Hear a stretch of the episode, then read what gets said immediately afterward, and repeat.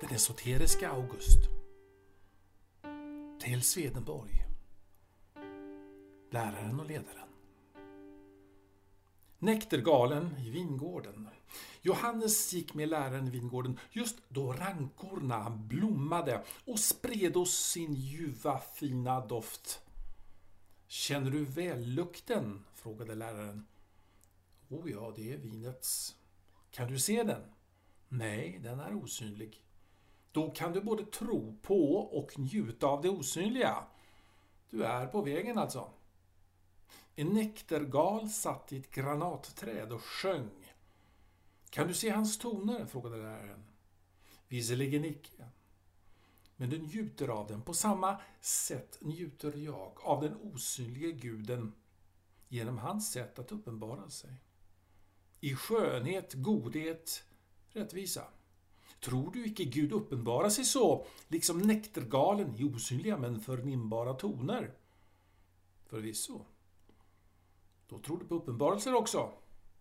Jag måste väl. Du tror att Gud är en ande? Ja, väl. Då tror du på andar? Där felade du. Jag tror på en ande. Hm. Har icke människorna andar eller själar i kropparna? Måtte väl det. Alltså, tror du på andar, det vill säga på andars tillvaro? Du har rätt. Jag tror på andar. Lärjungen frågade Vad är slump? Det skall vara något tillfälligt osystematiskt, ologiskt i en händelses uppträdande. Men ordet missbrukas ofta av dem som se, men icke uppfatta. Om du således efter en dålig handling förföljes av systematisk otur, så är detta ju ingen slump. För det första medan oturn var systematisk och slumpen var osystematisk. För det andra, därför att den dåliga handlingen logiskt följdes av sitt straff och slumpen ju var ologisk. Är således något annat. Ja, det måste vara så. Men hur går det till när jag misslyckas i alla företag? Endast råkar fiender på gatorna, blir bedragen i alla butiker, får den sämsta maten på torget, endast läser elakheter i tidningen, undanhålles goda brev som dock är befordrade på posten, kommer för sent till tågen, finner sista droskan upptagas mitt för min näsa, får hotellets enda självmordsrum.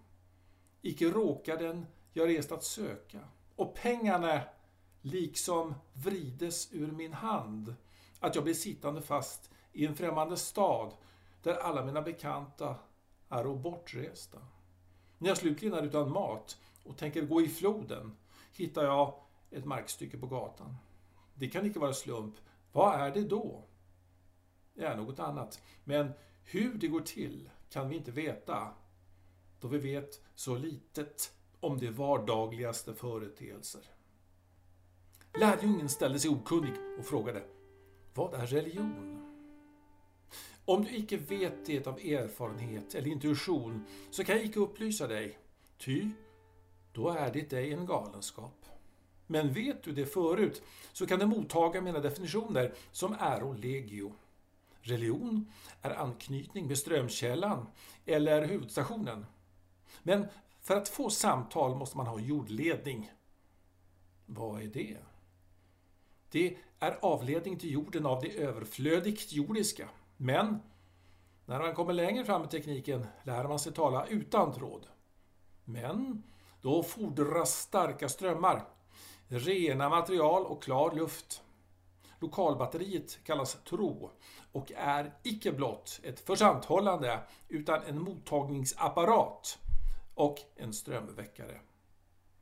Utan att tro på ett företags möjlighet går du ju icke till verket och får följaktligen icke energin.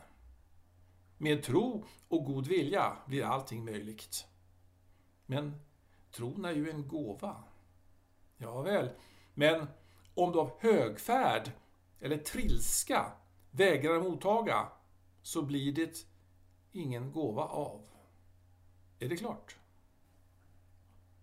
Lärjungen frågade, om Gud är en, varför finns det flera religioner? Eftersom Gud är ett axiom ska du säga då Gud är en. Varför finns det flera religioner? Svar. Det vet jag inte. Och strängt taget, det rör mig inte. I huvudsak stämmer dock alla överens att det finns en gud och att själen är odödlig. Om själen är odödlig, hur kan det finnas människor som känner sina själar vara dödliga och tala om sitt enda liv? Det kunna känna galet, så som den vilken tror sig ha en orm i magen. Det kanske ha begått psykiskt självmord. Det kanske tycka det är snobbigt. Eller är deras själkomplex verkligen så elementärt att det kan grävas ner och upplösas? Om så är fallet kan man ju inte disputera med dem emedan de har rätt för deras vidkommande. Antingen är ju fallet abnormt eller deras förnimmande perverst. Jag kan inte avgöra vilket, men hänskjuter ämnet till de olösliga frågorna. Eller det hittills olösta. Eller det otillbörliga. Lärjungen frågade Vad är vidskepelse? Det vet jag inte. Men en steriliserad intelligens kallar de högsta axiomen så. Gud, livet efter detta, den immanenta rättvisan. Den troende fruktsamma intelligensen däremot kallar det vidskepelse, eller skrock, när en otrogen går undan för en ekorre, eller spottar framför ett äldre fruntimmer, eller icke törs resa den trettonde, eller fräser när någon önskar honom lycka. Vad är trolldom? När onda människor missbrukar sina själsliga krafter på svagare andar, så att det förvända synen på dem eller plågar dem på avstånd och så vidare. Vilket eh, allt du har sett på hypnotiska seanser, där till exempel mediet får synen så förvänd att han tar en rå potatis för ett äpple. Skulle det finnas häxor alltså? Ja, visst finns det. En ful och ond kvinna som förvänder synen på en man så att han i henne ser det skönaste och godaste. Den är en häxa. Skall en sådan brännas då? Nej, ty hon bränner sig själv på sin ondska. Om hon nämligen råkar en god människa, som är pansrad med kärleken till Gud, då studsar nämligen häxans kulor tillbaka och träffar henne själv. Men sådant här bör man icke tala om. Ty den som kommer vid kära blir smetig. Lärjungen frågade, hur skall jag veta att jag tror riktigt? Jo, det ska jag lära dig. Ställ dig skeptisk gentemot ditt bondförstånds systematiska förnekande. Gå ut ur din person, om du har kraft, och ställ dig på den troendes ståndpunkt. Låtsas att du tror och pröva sedan tron om den stämmer med dina erfarenheter. Stämmer den? Ja, då har du vunnit i visdom och ingen kan rubba din tro. När jag första gången fick Swedenborgs himmelska hemligheter i min hand och eh, bläddrade i de 10 000 sidorna syntes med allt sammans vara Gallimatias. Vilket dock förvånade mig, då mannen var så utomordentligt lärd i alla naturvetenskaper, jämte matematik, filosofi, ekonomi. Nåväl, i dessa skenbara galenskaper funnos några detaljer som stannade i mitt minne. Under vardagslivet hände mig en tid efteråt något oförklarligt, men som erhöll sin belysning genom en upplevelse den Swedenborg förlagt till det han kallar himmelen, Oss dem han kallar änglarna. Det är då jag börjar forska och jämföra, experimentera och analysera. Och kommer till det resultat att Swedenborg haft upplevelser som liknar dem i jordelivet, men icke är och detsamma. Det är detta han utför i sin korrespondenslära, eller läran om motsvarigheterna. Vilket teosoferna har tolkat så att vi parallellt med jordelivet för ett dubbelliv på astralplanet, men omedvetet. Lärjungen blev nyfiken och frågade Hur fick du upp ögonen för Swedenborg? Ja, det är svårt, men jag skall försöka säga det. I min ensamma våning fanns ett rum som jag trodde var det vackraste som fanns.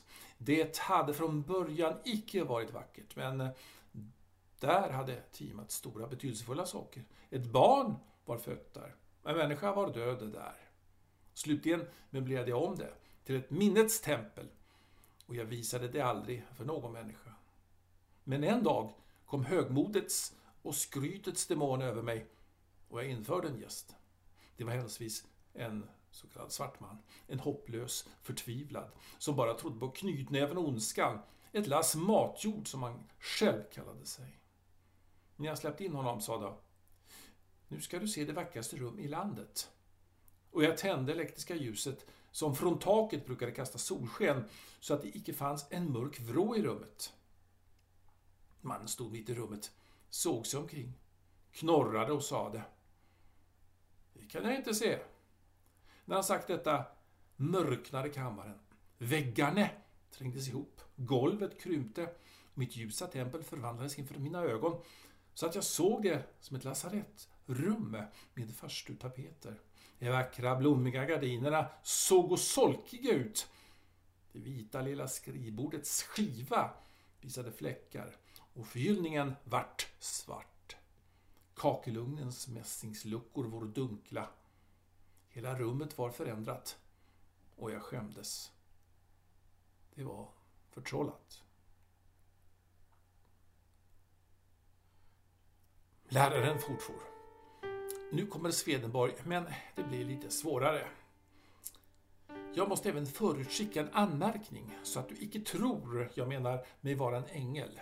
Med ängel menar Swedenborg en avliden människa som genom döden befriats från kroppens fängelse och genom lidande i tron återfått sin själs högsta förmögenheter. Eljest kan vi stryka ut begreppet. Ty jag har ingen tillämpning varken på min gäst eller mig. Kom nu ihåg det. Nåväl, Swedenborg skildrar dessa dematerialiserade väsen sålunda. Allt som visar sig och existerar omkring dessa väsen förefaller såsom frambragt och skapat av dem. Att det är liksom av dem frambragt och skapat är uppenbart därav att när väsendet bortgår den samma omgivningen icke mer visar sig. Även som därav att när andra väsenden komma i det förra ställe allt gestaltar sig på ett annat sätt omkring dem. Paradisiska nejder förändrar sig med hänsyn till träd och frukter. Blomstergårdar förändras med avseende på rosor och fröväxter. Även som fälten i anseende till örter och gräs. Att dylika ting framställa sig och sålunda förändras har sin grund däri att de alla existerar till följe av änglarnas böjelser och från dessa härflytande tankar. Är detta icke en fin observation av Swedenborg och har icke sakförhållandet sin motsvarighet i vårt lägre liv? Liknar det icke mitt äventyr i det förtrollade rummet? Och ger det mig icke förklaring på en vardaglig händelse som jag eljest skulle ha skjutit undan? Kanske du har upplevt något liknande? Läraren fortfor. Swedenborg fann aldrig någon motsägelse mellan vetenskapen och religionen, ty han genomskådade harmonin i alltet. Det lägres motsvarighet i det övre, enheten i motsättningarna, och liksom Pythagoras skådar han lagstiftaren i lagarna, upphovsmannen i verket, Gud i naturen, historien och människolivet. Den moderna dekadensvetenskapen, som dock fått mikroskopet och teleskopet, ser ingenting.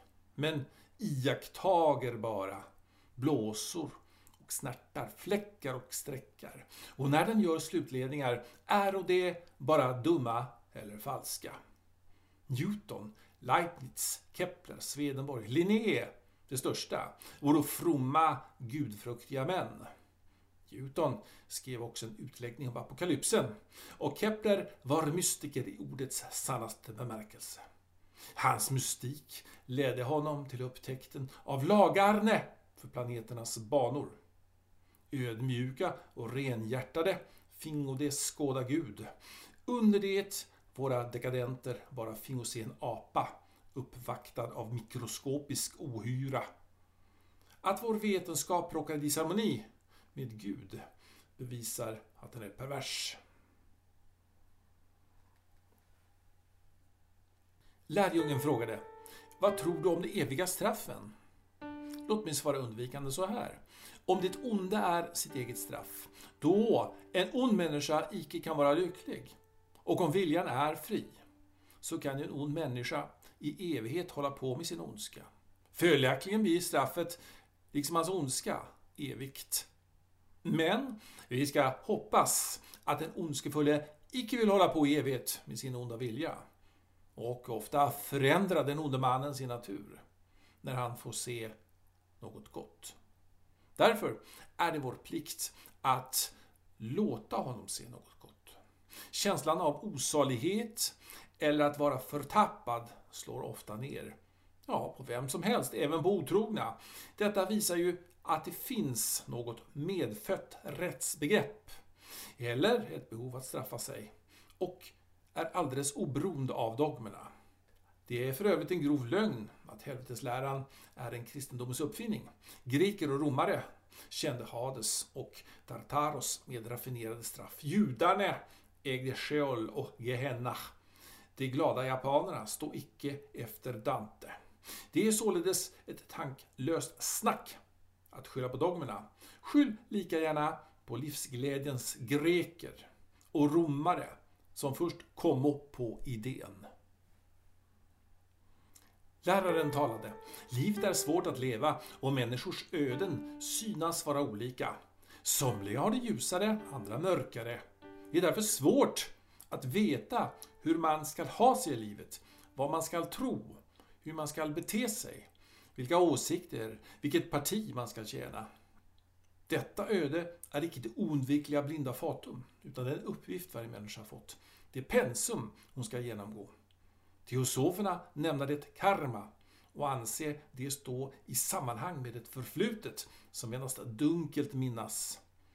Den som tidigt upptäcker sitt öde och håller sig strängt därefter, utan att jämföra sitt med andras, utan att avundas andra deras blidare öde, den har upptäckt sig och han ska lättare leva livet. Men i tider då alla vill ha det lika uppstår ofta en fåfäng strävan att göra sitt hårdare öde lika med deras som har det mildare. Därom dessa harmonier och slitningar så att man får se människor som ända till ålderdomen söka bekämpa sitt öde. Ändra det i likhet med andras. Lärjungen frågade. I så fall, varför får man inte veta sitt karma från början? Läraren svarade. Det lär vara ren barmhärtighet. Ty ingen skulle stå ut att leva om han visste vad som förestod. För övrigt lär en viss frihet vara lämnad människan, utan vilken hon endast bleve en marionett. Vidare mena de vise att själva upptäcktsresan efter ödet är lärorik. Låt dig nöja åt min nåd. Kraften var där i svagheten fullbordad. Läraren fortfor. Somliga synas födda till ära och guld, andra till bara äran, åter andra bara till guldet. Många synas födda till förmjukelser, fattigdom eller sjukdomar. Slagen till en slant är uttrycket. Att lindra sitt öde kan var man genom att böja sig, finna sig, resignera med ett ord. Och den inre lycka man därmed vinner övergår all yttre. Så att den fattige och sjuke kan vara avundad av den rike och mäktige. Den som tjänar Gud länder allt till det bästa och den som icke ävlas efter ära och guld blir oåtkomlig, på visst sätt allsmäktig. Det svåraste är att se orättvisorna i världen, men det övervinner man genom att ta det som prövningar. Om det går den ondskefulle väl, så må det vara hänt. Det rör icke oss. Och hans medgång var icke så rar vid närmare påseende. Om du förföljes av olyckor utan att ditt samvete förklarar dem som förtjänta, så tag dem med ro. Anse som en ära att bestå prövningen och det kommer en dag då det vänder sig till ett bättre. Då kanske du upptäcker att olyckorna vore välgärningar eller åtminstone tillfällen att öva din bärkraft. Avundas ingen. Du vet icke vad den avundade går och gömmer på, som du icke ville äga, om det följde med bytet.